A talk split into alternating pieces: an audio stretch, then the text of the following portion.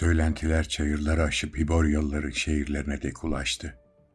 Havadisler kumların üzerinde zahmetle ilerleyen ve beyaz kaftanlı, şahin bakışlı, zayıf adamlar tarafından güdülen deve kervanları vasıtasıyla taşındı. Çayırlarda yaşayan kanca burunlu çobanlardan çadır sakinlerine, onlardan da kıvırcık mavi siyah sakallara sahip kralların tuhaf hainlerle koca köpekli tanrılara yaptığı taş şehirlere aktarıldı. Havadisler bir deri bir kemik kabile üyelerin kervanlarından ayak bastı parası kestiği tepelerin eteklerinde dolaştı. Söylentiler mavi göllerle nehirlerin üzerinde yükselen görkemli şehirlerin bereketli topraklarına ulaştı. Dedikodular öküz arabalarıyla, meleyen sürülerle, zengin tüccarlarla, zırhlı şövalyelerle, okçularla ve rahiplerle dolu beyaz taşlı geniş yollarda ilerledi. Stikya'nın doğusunda uzanan çölden, Kot tepelerinin oldukça güneyinde kalan yerden doğuyordu bu söylentiler. Göçebelerin arasında yeni bir peygamber doğmuştu. Kabilelerin arasındaki savaşlardan, Güneydoğu'da toplanan akbabalardan ve sayıları giderek artan ordularını zaferden zafere koşturan korkunç bir liderden bahsediyordu insanlar. Görünüşe göre kuzeyli ülkeler için her daim bir tehdit oluşturan Stigyalıların bu harekatla bir ilgileri yoktu. Çünkü ordularını doğu sınırlarına yığıyor ve rahipleri o çöl büyücüsüyle savaşmak için büyüler hazırlıyordu. İnsanlar o kişiye Natok yani peçeli diyorlardı. Zira yüz atlarını daima bir maskenin ardına gizliyordu. Ama akınlar diyarların kuzeybatısını silip süpürdü. Mavi sakallı krallar koca göbekli tanrıların sunaklarının önünde can verdi ve basık surlu şehirler kana bulandı. İnsanlar Natok'la müritlerinin hedefinin Hiborya toprakları olduğunu söylüyordu. Çölden gelen akınlar alışılmadık bir şey değildi ama bu son harekat basit bir yağmadan daha fazlası olmayı vaat ediyordu. Söylentilere bakılırsa Natok 30 göçebe kabileyi bir araya toplamış, 15 şehri saflarına dahil etmişti. Ayrıca asi bir Stikya prensinin de ona katıldığı söyleniyordu ki bu son durum olayı gerçek bir savaş haline getiriyordu. Hiborya uluslarının çoğu karakteristik olarak yaklaşan tehdidi görmezden gelmeye meyilliydi. Ama kutlu maceracıların Şem sınırlarından kılıçlarının hakkıyla koparıp elde ettiği Kojar'a dikkat kesilmiş vaziyetteydi. Kot'un güneyinde yer alan bu şehir, istilanın en ağır kısmına maruz kalabilirdi. Üstelik Ofer'in hain kralı genç hükümdarlarını esir almıştı ve onu yüksek bir fidye karşılığında serbest bırakmakla düşmanlarına, yani altın yerine faydalı bir anlaşma teklif eden Kot'un cimri kralına teslim etmek arasında kararsız kalmıştı. Bu sırada çırpınan krallığını idaresi de kralın kız kardeşi Prenses Yasmela'nın genç ve beyaz ellerine kalmıştı. Ozanlar Batı'nın tüm diyarlarında onun güzelliğini öven şarkılar söylerdi ve soylu bir hanedandan gelmekteydi. Ama o gece gururu omuzlarından yere düşen bir pelerin gibi terk etmişti prensesi. Gök mavisi bir kubbeye, nadide kürklerle kaplı mermer bir zemin ve altın filizlerle kaplı duvarlara sahip olan odasındaydı. Soylu ailelerden gelen, zayıf kollarına değerli taşlarla bezenmiş kolçaklar ve bileklikler takıp takıştırmıştı on kız. Altından yapılma bir platformun üzerinde duran, ipekten perdelere sahip kraliyet yatağının etrafındaki kadife koltuklarda uykuya dalmıştı. Ama Prenses Yasmela ipek yatağının içinde değildi. Aşağılık bir köle misali soğuk mermerin üzerinde çıplak bir vaziyette yüzü koyun yatıyordu. Siyah saçları beyaz omuzlarına dökülüyordu. Zarif parmakları birbirine dolanmıştı. Kıvrak vücudundaki kanını donduran, güzel gözlerini irileştiren, siyah saçlarının köklerini acıtan ve zarif sırtındaki tüyleri diken diken eden saf bir korkuyla kıvranıyordu. Tepesinde mermer odanın en karanlık köşesinde dev gibi şekilsiz bir gölge dolanıyordu. E ne yeryüzünde yaşayan herhangi bir şeye benziyordu ne de etten ve kemiktendi. Bir karanlık yumağıydı bu. Göz ucuyla görünen bu bulanıklık uyku mahmuru bir beynin uyandırabileceği korkunç bir karabasan. Ama o karanlığın içinde birer göz gibi parlayan ve için için yanan iki küçük nokta vardı. Dahası bir sese de sahipti. Her şeyden çok bir yılanın zayıf ve tiksindirici tıslamasını andıran alçak, insanlık dışı bir fısıltıyla ve görünüşe göre insan dudağıyla alakası olmayan bir şeyden çıkıyordu. Ses kadar dile getirdiği kelimeler de Yasmela'nın dayanılmaz bir korkuyla titremesine neden oluyordu. Ve sanki zihnini fiziksel bir çırpınmayla temizleyebilecekmişçesine zarif bedenini kamçılıyormuş gibi kıvrıp büküyordu. ''Benim olacaksın prenses.'' dedi kötücül fısıltı. Uzun uykumdan uyandırılmadan çok önce seni kendime ayırdım. Seni arzuladım. Ama düşmanlarımdan kaçmak için kullandığım kadim büyü elimi kolumu bağlıyordu. Ben Peceli Natok'un ruhuyum. Bana iyi bak prenses. Çünkü yakında maddesel biçimimi görecek ve bana aşık olacaksın.'' Hayaletsi fısıltı şehvet dolu bir sesle gevrek gevrek güldü. Korkudan kendini kaybeden Yasmela ise inledi ve küçücük yumruklarıyla mermer döşemeleri dövdü. Şu anda tabanın saray dairesinde uyuyorum diye devam etti fısıltı. Bedenim orada, et ve kemikten sınırların içerisinde uzanıyor. Ama ruhu kısa bir süreliğine onu terk ettiği için şu anda boş bir kabuktan başka bir şey değil. Eğer o sarayın pencerelerinden dışarıya bakabilseydin karşı koymanın faydasızlığını anlardın. Çöl yüz bin savaşçımın yaktığı ateşler nedeniyle ayın altındaki bir gül bahçesini andırıyor. Tıpkı ilerlerken önüne çıkan her şeyi silip süpüren bir çığ gibi giderek büyüyüp hız kazanarak gireceğim kadim düşmanlarımın topraklarına. Krallarının kafataslarından kadehler yaptıracağım, kadınları ve çocukları Kölelerimin kölelerinin köleleri olacak. Uzun yıllar süren uykum boyunca daha da güçlendim. Ama sen ey prenses benim kraliçem olacaksın. Sana azdan unutulmuş kadim yollarını öğreteceğim. Çıplak ve nazik teni bir kamçı tarafından yüzülmüşçesine kıvranan yasmele kara devden yayılan kozmik dalgalanmanın önünde iki büklüm oldu. Unutma diye fısıldadı dehşetengiz varlık. Birkaç gün içerisinde benim olanı almaya geleceğim. Yasmela yüzünü döşemelere bastırıp pembe kulaklarını nazik parmaklarıyla tıkadı. Ama yine de yarasa kanatlarını andıran tuhaf bir çırpma sesi duymaya devam etti. Sonunda başını korkuyla kaldırıp hayaletin durduğu noktaya baktığında sadece pencereden içeri süzülen ve gümüş bir kılıç misali parlayan ay ışığını gördü. Tüm uzuvları titreyerek ayağa kalktı güçlükle ilerledi ve kendini satan koltuklardan birini atıp deli gibi ağlamaya başladı. Biri hariç kızların hepsi uyumaya devam etti. Uyanan kız ayağa kalktı, esnedi, gerindi ve gözlerini kırpıştırarak etrafına baktı. Sonra da derhal koltuğunun yanına diz çökerek kollarını Yasmela'nın kıvrak beline doladı. Ne, ne oldu? Koyu renk gözleri korkudan ardına dik açılmıştı. Yasmela onu yakalayıp sarstı. Ah Vetessa, Yine geldi. Onu gördüm. Benimle konuştu. Adının Natok olduğunu söyledi. Natok. Bir kabus değil. Sizi ilaçla uyuşturulmuş gibi uyurken tepemde bir dev gibi dikildi. Ah ne yapacağım? Vatessa düşünceli bir şekilde Yasmela'nın yuvarlak koluna takılı bir bileziği evirip çevirdi.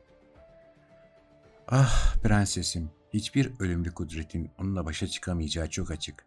Üstelik o İştar rahibinin size verdiği tılsım da bir işe yaramadı.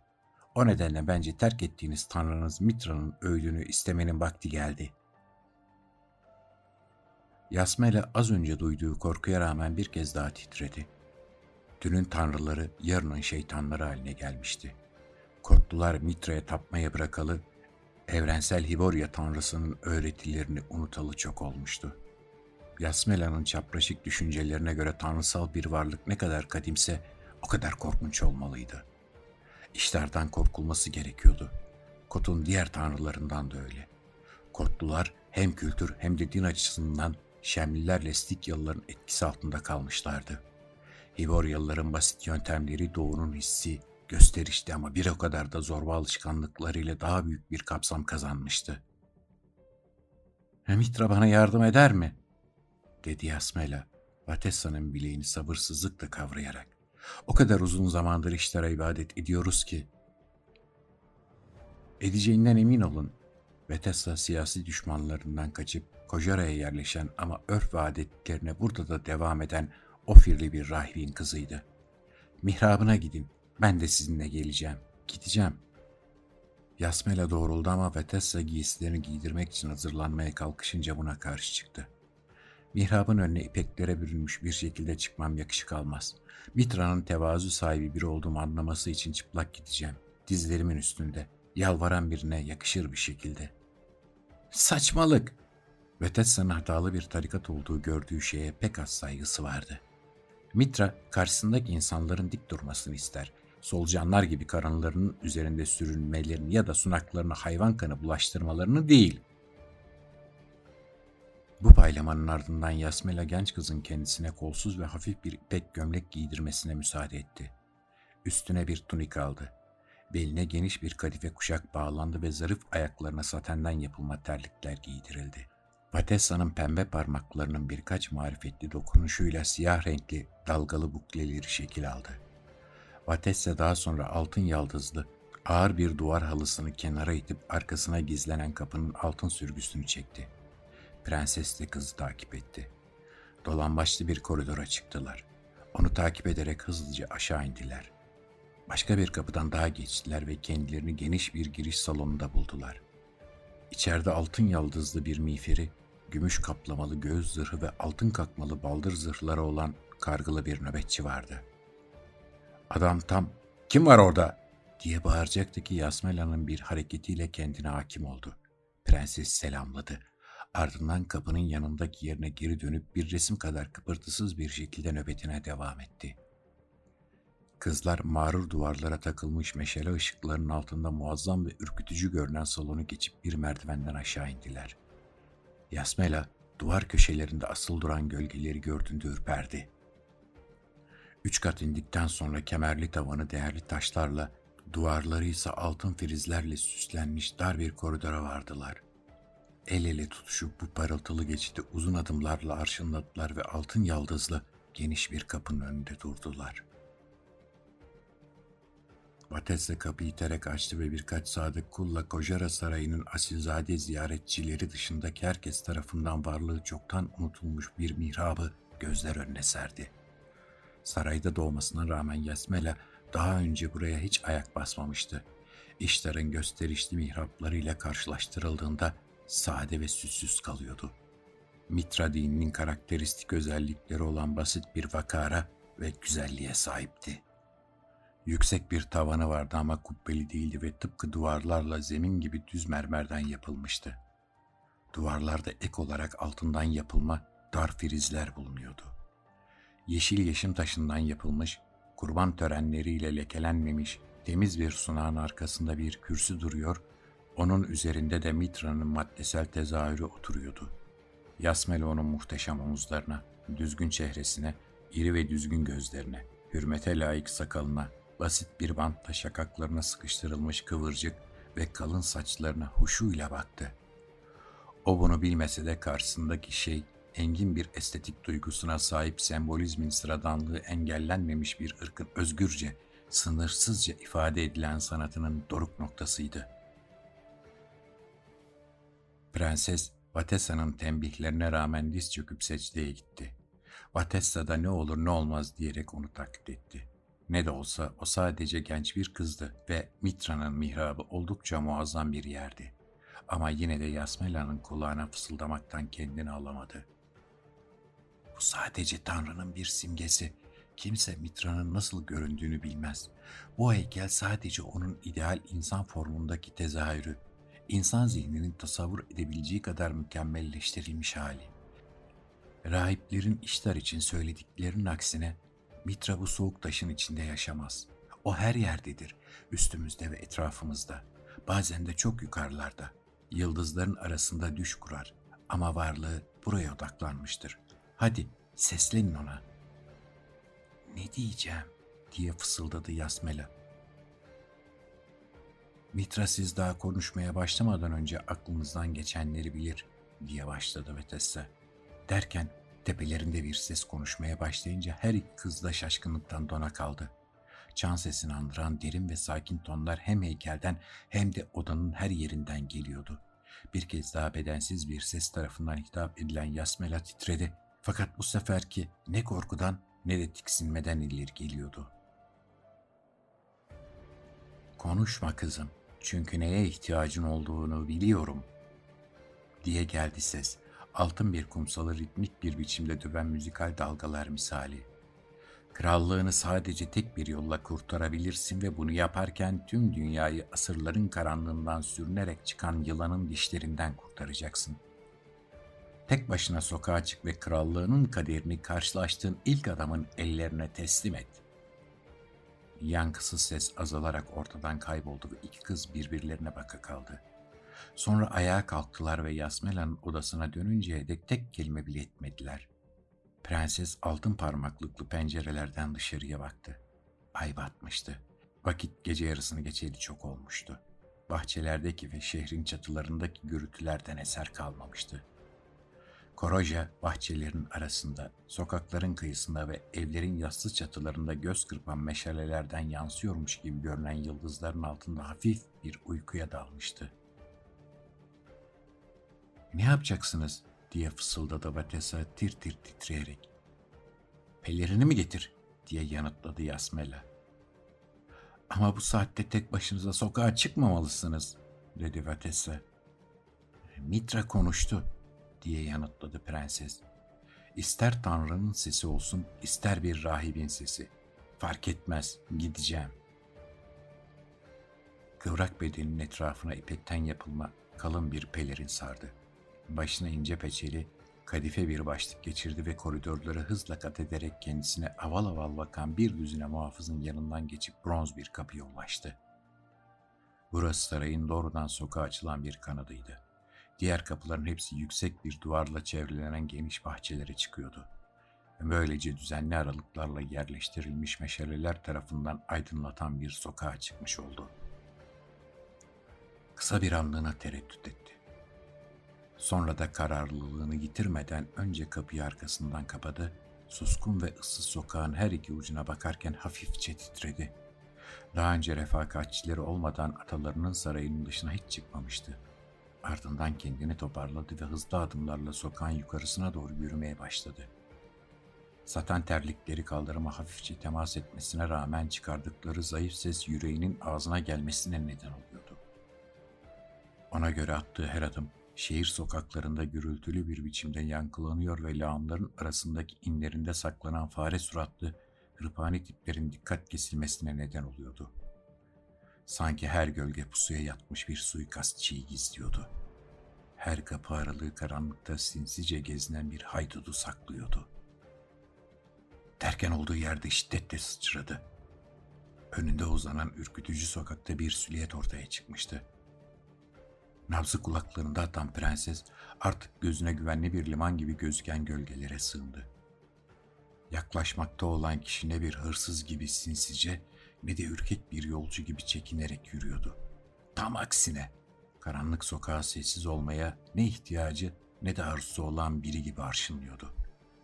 Adımlarında şuursuz bir kabadayılık vardı. Ayak sesleri kaldırım taşlarında yankılanıyordu. Yakınlarındaki meşale ışıklarından birinin altından geçtiği sırada prenses onu açıkça gördü. Paralı askerlerin zincir zırhlarına bürünmüş uzun boylu bir adam. Cesaretini toplayan Yasmela pellerini vücuduna sıkıca sararak gölgelerin arasından fırladı. ''Sen kim?'' Adam çabucak kılıcına davrandı ve onu yarısına kadar kınından çıkardı. Karşısındakinin sadece bir kadın olduğunu görünce hareketini yarıda kesti. Ama Yasmela'nın arkasındaki gölgelere bakıp bunun bir tuzak olmadığından emin olmayı da ihmal etmedi. Orada öylece durup kadına bakmayı sürdürdü. Bir eli hala zırhlı omuzlarından gelişi güzel bir şekilde salınan kızıl pelerinin altındaki uzun kabzadaydı. Meşale ışıkları baldır zırhlarıyla miğferinin cilalanmış mavi çeliğinin üzerinden solukça yansıyordu. Mavi gözleri ise daha meşhum bir ateşle yanmaktaydı. Yasmela bir bakışta karşısındakinin bir kotlu olmadığını anladı. Adam konuştuğunda da onun bir Hiboryalı olmadığından emin oldu. Tıpkı paralı askerlerin komutanları gibi o da vücudunun her yerini giysilerle örtmüştü ve o gözü kara birliğin saflarının arasında her milletten adam bulunurdu.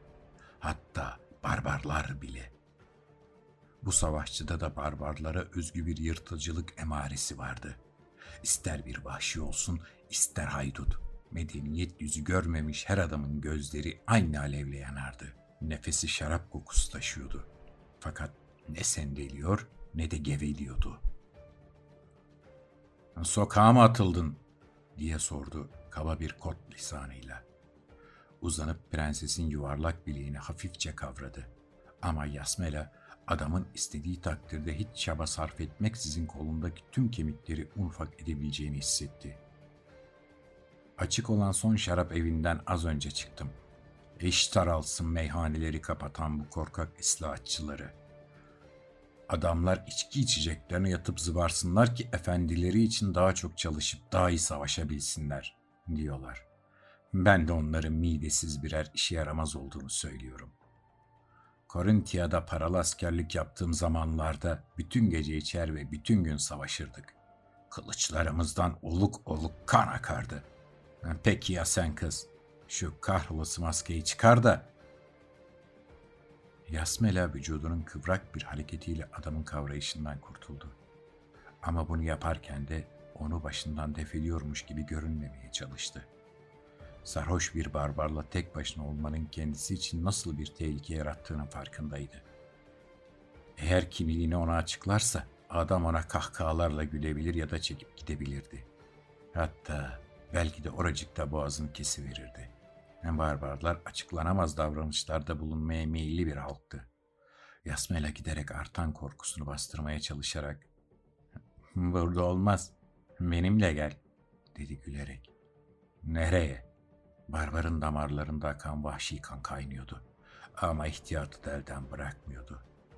Beni bir hırsız yatağına mı götürüyorsun? Hayır hayır, yemin ederim. Bir kez daha pençesine uzanan elden zar zor sakındı. Şeytan alsın seni kadın, diye omurdandı barbar. O kahrolası peçenle sen de en az Herikanyalı kadınlar kadar kötüsün. Gel buraya bırak da en azından vücuduna bir bakayım. Yasmela ona mani olmadan önce barbar omuzlarındaki pelerini kapı verdi. Adamın dişlerinin arasından bir tıslama kaçtı. Pelerini ellerinde tutarak öylece dikiliyor, prensesin kaliteli giysilerinin görüntüsü karşısında aniden ayılmış gibi gözüküyordu. Yasmela adamın gözlerinde kuşku kıvılcımları gördü. Kimsin sen? Bir sokak kadını olmadığın belli. Tabii aşığın senin için kralın harem dairesini soyduysa o başka, diye mırıldandı. Bunun bir önemi yok. Yasmela cesaretini toplayıp beyaz ellerinden birini barbarın kocaman zırhlı kolunun üstüne koydu. Sen sadece benimle gel, yeter. Adam önce tereddüt etti, sonra da geniş omuzlarını silkti. Yasmela Barbar'ın onu kibar aşıklarından sıkılan ve kendini bu yolla eğlendiren soylu bir kadın zannettiğini görebiliyordu. Adam pelerini yeniden kuşanmasına izin verdi. Sonra da onu takip etti.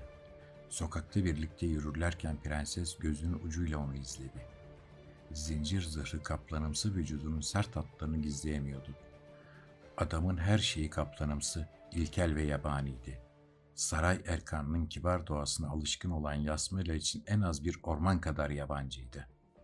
Ondan korkuyor, kendi kendine adamın yabani kuvvetinden ve arsız barbarlığından nefret ettiğini söylüyordu. Yine de nefesi kesilmiş ve tehlikeli bir yanı ona ilgi duymadan edemiyordu. Her kadının ruhunun derinliklerinde yatan ilkel bir duygusu yüzüne çıkmıştı. Barbar'ın kuvvetli elini kolunda hissetmişti ve o temasın hatırası içindeki bir şeylerin kıpırdanmasına neden oluyordu. Yasmela'nın önünde pek çok erkek diz çökmüştü. Şimdi ise yanında daha önce hiç kimsenin önünde diz çökmemiş olduğunu hissettiği biri vardı. kendisini zincirlenmiş bir kaplanın karşısında bulan biri gibi hissediyordu. Hem korkuyor hem de korkusu tarafından cezbediliyordu. Sarayın önünde durup hafifçe kapıyı itti. Yoldaşına kaçamak bir bakış attığında adamın gözlerinde herhangi bir kuşku emaresine rastlamadı. ''Demek saraydansın ha?'' dedi Barbar. ''Nedime falan mısın yoksa?'' Tuhaf bir kıskançlıkla kendini hizmetçilerinden herhangi birinin bu savaşçı kartalı daha evvelden gizlice saraya sokup sokmadığını merak ederken buldu. İkili muhafızların arasından geçerken adamlar hiçbir şey yapmadı. Fakat Barbar onları yabancılardan oluşan bir gruba dikkatli gözlerle bakan azılı bir köpek gibi süzdü. Yasmela onu perdeli bir eşikten geçirip bir başka odaya soktu. Barbar burada bir müddet dikildi. Duvar halılarına saf saf baktı. Sonra da fil dişinden yapılma bir masanın üzerinde duran kristal şarap sürahisini gördü. Minnettar bir iç çekişle sürahiyi dudaklarına kaldırdı. Tam o esnada Vetasta çıka geldi. ''Ah prensesim!'' diye bağırdı. ''Prenses mi?'' Şarap sürahisi yere düşüp tuzla buz oldu. Paralı asker gözle takip edilemeyecek bir hızla öne uzanıp Yasmela'nın peçesini çekti. Kadının yüzüne dik dik baktı. Sonra da bir küfür savurup geri geri çekildi ve kılıcını mavi bir çelik parıltısı eşliğinde kınından çıkardı. Gözleri tuzağa düşürülmüş bir kaplanınkiler gibi alev alevdi. Ortamda fırtınadan önceki sessizliği andıran gergin bir hava vardı. Korku, korkudan nutku tutulan Vatessa olduğu yere çöküverdi. Fakat Yasmela öfkeli barbarla hiç çekinmeden yüzleşti. Hayatının pamuk ipliğine bağlı olduğunu biliyordu. Kuşkuya ve paniğe kapılan barbar en ufak bir kışkırtmada bile ona ölümü tattırabilirdi. Yine de bu kriz anında kendisini soluksuz bırakan bir heyecan duymadan da edemedi. Korkma, ben Yasmele'yim bu doğru fakat benden korkmana hiç gerek yok. Beni neden buraya getirdin? diye hırladı adam.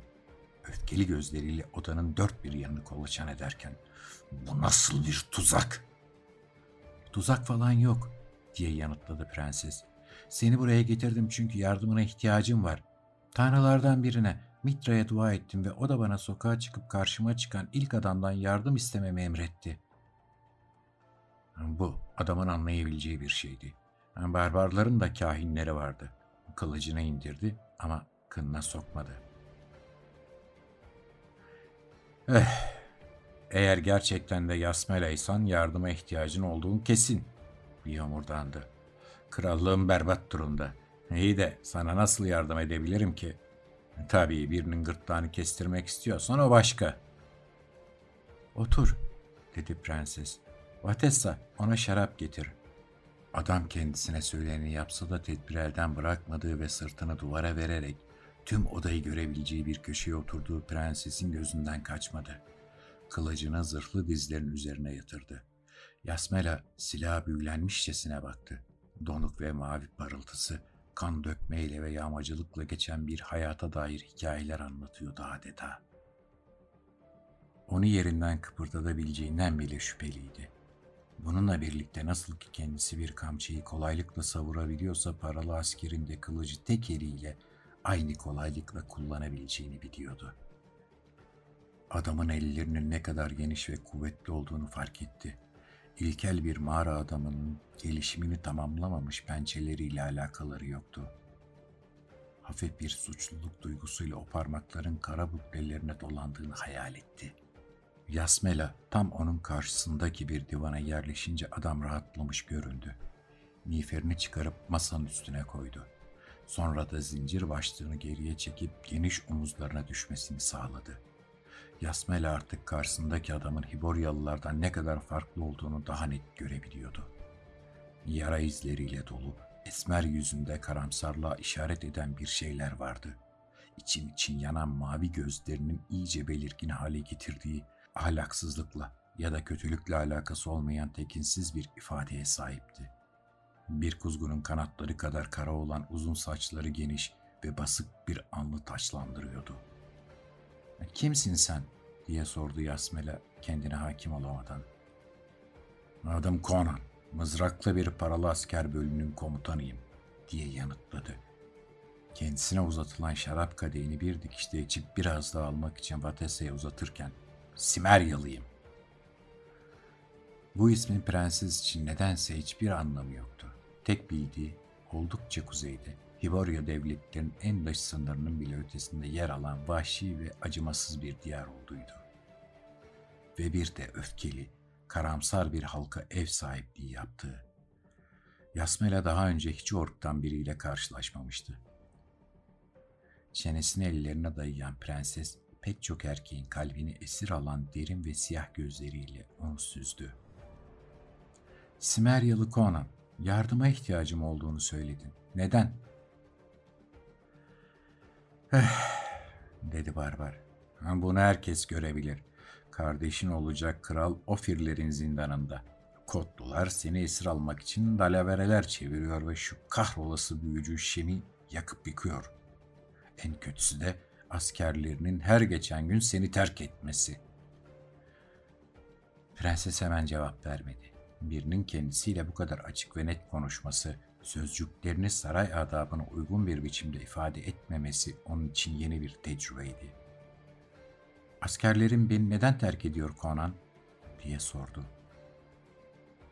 Bazıları kot ordularına katılıyor. Pek çoğu bakamsız bir devlet olduğunuz için Kojara'nın sonunun geldiğini düşünüyor. Pek çoğu da Natok denen şu köpekle ilgili hikayelerden korkuyor diye yanıtladı şarap testisini iştahla kendisine doğru çekerken. Peki paralı askerler benimle kalacak mı? diye sordu endişeyle. Bize iyi ödeme yaptığınız sürece buradayız, dedi dürüstçe. Sizin siyasi oyunlarınızın bizim için hiçbir önemi yok. Generalimiz Amalrik'e güvenebilirsin. Ama onun haricinde hepimiz yağmayı seven sıradan adamlarız sadece. Ofir'in istediği fidyeyi ödediğin takdirde ücretimizi karşılayamayacağını söylüyorlar. O takdirde Kot Kralı'nın tarafına geçebiliriz. Gerçi o kahrolası pintiyle aramın iyi olduğunu söyleyemem. Ya da bu şehri yağmalarız. İç savaşlar esnasında yağmacılık oldukça bereketlidir. O halde neden Natok'un yanına gitmiyorsunuz? diye sordu Yasmela. Bize neyle ödeme yapabilir ki? dedi Conan burnundan alaycı bir homurtu çıkararak. Şem şehirlerinden yağmaladığı koca göbekli pirinç heykellerle mi? Natok'la savaştığın müddetçe bize güvenebilirsin. Silah arkadaşların senden emir alır mı? diye sordu aniden. Ne demek istiyorsun? Demek istediğim şey şu, dedi prenses bir taraftan bu fikri kafasında evirip çevirirken. Seni Kojara ordularının komutanı yapacağım. Conan kadeh dudaklarına dayalı olduğu halde bir anlığına dona kaldı. Ardından genişçe sırıttı. Ha, gözleri yeni bir ışıkla parlıyordu. Komutan mı? Krom! İyi de parfümler sürünen soyluların bu işe ne der? Ha, bana itaat edecekler. Ellerini çırpmasıyla birlikte içeriye bir köle girdi ve yerlere kadar eğilerek onu selamladı. Kontes Bides'e söyle hemen buraya yanıma gelsin. Baş danışman Tarus, Lord Amalric ve Şüpras ağa da öyle, dedi prenses. Mitra'ya güveniyorum, diye devam etti sonra da, bakışlarını yeniden Conan'a çevirerek. Barbar o esnada tir tir titreyen Vatessa tarafından önüne bırakılan yiyecekleri mideye indirmekle meşguldü. Çok savaş gördün mü? Ben bir savaşın ortasında doğmuşum, diye yanıtladı adam güçlü dişleriyle iri bir parça eti kopararak. Kulaklarımın işittiği ilk ses kılıçların çakışması ve ölen insanların çığlıklarıymış. Kan davalarında, kabile savaşlarında ve imparatorluk seferlerinde çarpıştım. Peki adamlara komuta edip savaş düzeni kurabilir misin? Eh denerim, diye yanıtladı soğukkanlı bir şekilde. Tüm bunlar daha geniş çaplı bir kılıç dövüşünden başka bir şey değil. Düşmanının gardını aşarsın, sonra da kesip biçersin. Ya onun kellesi gider ya da seninki. Odaya geri dönen köle, çağırması için gönderildiği adamların geldiğini haber verdi. Yasmela da bunun üzerine diğer odaya geçip kadife perdeleri arkasından kapattı. Soylular onu bir dizlerin üstüne çökerek selamladı. Bu saatte çağrılmaktan duydukları şaşkınlık her hallerinden belliydi. Sizi kararımı çağırmak için çağırdım, dedi Yasmela. Krallığımız çok ciddi bir tehlikeyle. Çok haklısınız prensesim, dedi Kont Hepsides. Uzun boylu bir adamdı. Siyah buklelerini kıvırcıklaştırıp kokular sürünmüştü. Beyaz ellerinden biriyle sivri bıyığının bir ucunu vuruyor, diğeriyle de altın bir klips yardımıyla tepesine kızıl bir tüy tutturulmuş kadife bir başlığı tutuyordu. Sivri uçlu ayakkabıları satenden, fistanı altın işlemeli kadifedendi. Tavırlarında hafif bir yapmacık mevcuttu. Fakat ipek giysilerin altındaki kasları çelik gibiydi. Kardeşinizi serbest bırakmaları için o firlilere daha fazla altın önermek akıllıca bir karar olacaktır. Yani bu fikre kesinlikle karşıyım diye araya girdi kürk yakalı bir cübbe giyen baş danışman Tarus. Yüz atları uzun yıllardır verdiği hizmetlerin yükümlülüklerinden dolayı çizgi çizgi olmuştu. Hala hazırda kraliyeti sefalete düşürecek bir teklif yaptık zaten. Daha fazlasını önermek sadece o firlilerin aç gözlüğünü pekiştirecektir. Prensesim, size daha evvelden de dile getirdiğim şeyi söylüyorum. Ofir harekete geçmek için şu işgalci orduyla çarpışmamızı bekleyecektir. Kaybedersek Kral Koos'u kota teslim edecekler. Kazandığımız takdirde de majestelerini fidye karşılığında bize verecekler. Bu arada askerlerimiz gün be gün bizi terk etmeye devam ediyor, diye söze girdi Amalrik. Paralı askerler seneden oyalandığımızı merak ederek huzursuzlanıyorlar. Aslan yelesini andıran sarı saçlara sahip iri yapılı Nemedyalıydı. Çabuk hareket etmeliyiz. Tabii eğer... Yarın güneye doğru yürüyüşe geçiyoruz, dedi prenses. Ve sizi önderlik edecek adam da bu. Kadife perdeleri çekerek dramatik bir edayla Simeryalı'yı işaret etti. Onu takdim etmek için çok da isabetli bir zaman yakaladığı söylenemezdi. Zira Conan o sırada sandalyesine iyice yayılmış ve ayaklarını fil dişi masanın üzerine atmış bir halde iki eliyle sıkı sıkıya tuttuğu bir budu kemirmekle meşguldü. Barbar dona kalmış soylulara gelişi güzel bir bakış attı. Amaldrik'in haline hafifçe sırıttı ve gizlemeye gerek görmediği bir hazla budu kemirmeye devam etti. Mitra bizi korusun diye aykırdı Amaldrik. Kuzeyli Conan bu. Adamlarımın en belalısı. Eğer hayatımda gördüğüm en iyi kılıç ustası olmasaydı onu çoktan asardım. Majesteleri şaka yapıyor olmalı diye bağırdı Hespides. Soylu yüz atları kararırken. Bu adam tam bir vahşi, kültürsüz ve görgüsüz bir barbar.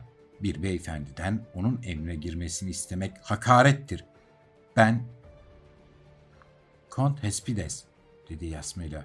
Kılıç kayışınızın altında benim eldivenimi taşıyorsunuz. Lütfen bana geri verin onu ve buradan gidin. Gideyim mi? diye bağırdı adam şaşırarak. Nereye? İster kotaya isterseniz de Hades'in dibine diye yanıtladı prenses. Madem bana isteklerim doğrultusunda hizmet etmeyeceksiniz, o zaman hiç etmeyin daha iyi. Beni yanlış anladınız prenses dedi bu sözlerle derinden yaralanan Hespides. Yerlere kadar eğilerek sizi yüzüstü bırakamam. Hatta hatırınız için kılıcımı bu vahşinin emrine bile veririm. Peki ya siz diyordum Amaldrik? Amaldrik sessiz bir küfür savurdu. Ardından sırıttı. Ne kadar şok edici olursa olsun onu asıl şaşırtan şey kaderinin oyunundan çok Conan'ın tam bir paralı asker olmasıydı.'' Onun emrinde savaşırım. Her zaman dediğim gibi. Hayat kısa ve güzel. Ve boğaz kesici Conan başımızdayken hayatın hepten kısa ve güzel olacağına şüphem yok. Mitra adına. Eğer o köpek hayatı boyunca bir grup boğaz kesiciden daha büyük bir topluluğa komuta ettiyse ben de ne olayım? Peki ya sen ağa? diye sordu prenses Şupras'a dönerek. Adam teslim olmuşçasına omuzlarını silkti. Kot'un güney sınırlarında yaşayan ırkının tipik özelliklerine sahipti. Uzun, ince bir beden, safkan çöl halkına nazaran daha zayıf ve şahinimsi yüz atları. Eştar ne dilerse o olur prenses, dedi atalarının kaderciliğine uygun bir şekilde. Burada bekleyin, dedi Yasmela. Hespedes burnundan soluyup şapkasını kemirir, Taurus bezgin bezgin söylenir ve Amalrik sarı sakalını çekiştirip aç bir aslan gibi odada volta atarak sırıtırken perdelerin arasında kaybolan prenses bir kez daha ellerini çırparak kölelerini çağırdı. Yasmela'nın emriyle Conan'ın zincir zırhını değiştirmek için yeni teçhizatlar getirdiler. Yakalık, demir çizmeler, göğüs zırhı, omuzluk, baldır zırhları ve miğfer. Yasmela perdeleri tekrar açtığında adamların karşısına baştan aşağı cilalı çeliklere bürünmüş bir Conan çıktı. Vücudu demir bir zırhla kaplı, siperliği açık ve miğferinin üzerindeki kara sorguç esmer yüzünü gölgelerken Espides'in bile gönülsüzce kabullendiği bir etkileyiciliğe sahipti. Amalrik yapmak üzere olduğu alaycı espriyi gerisin geri yutmak zorunda kaldı. Mitra adına, dedi usulca. Seni kraliyet zırhı içinde göreceğimi hiç düşünmemiştim. Ama onu rezil ettiğimi söyleyemem. Parmak eklemlerim üzerine yemin ederim ki zırhların içinde senin kadar soylu görünmeyen krallar gördüm Conan. Conan sessizliğini korudu. Zihninden belli belirsiz, kehanetimsi bir gölge geçti. İleriki yıllarda, hayali gerçek olduğunda Amaldrik'in bu sözlerini hatırlayacaktı. Devam edecek.''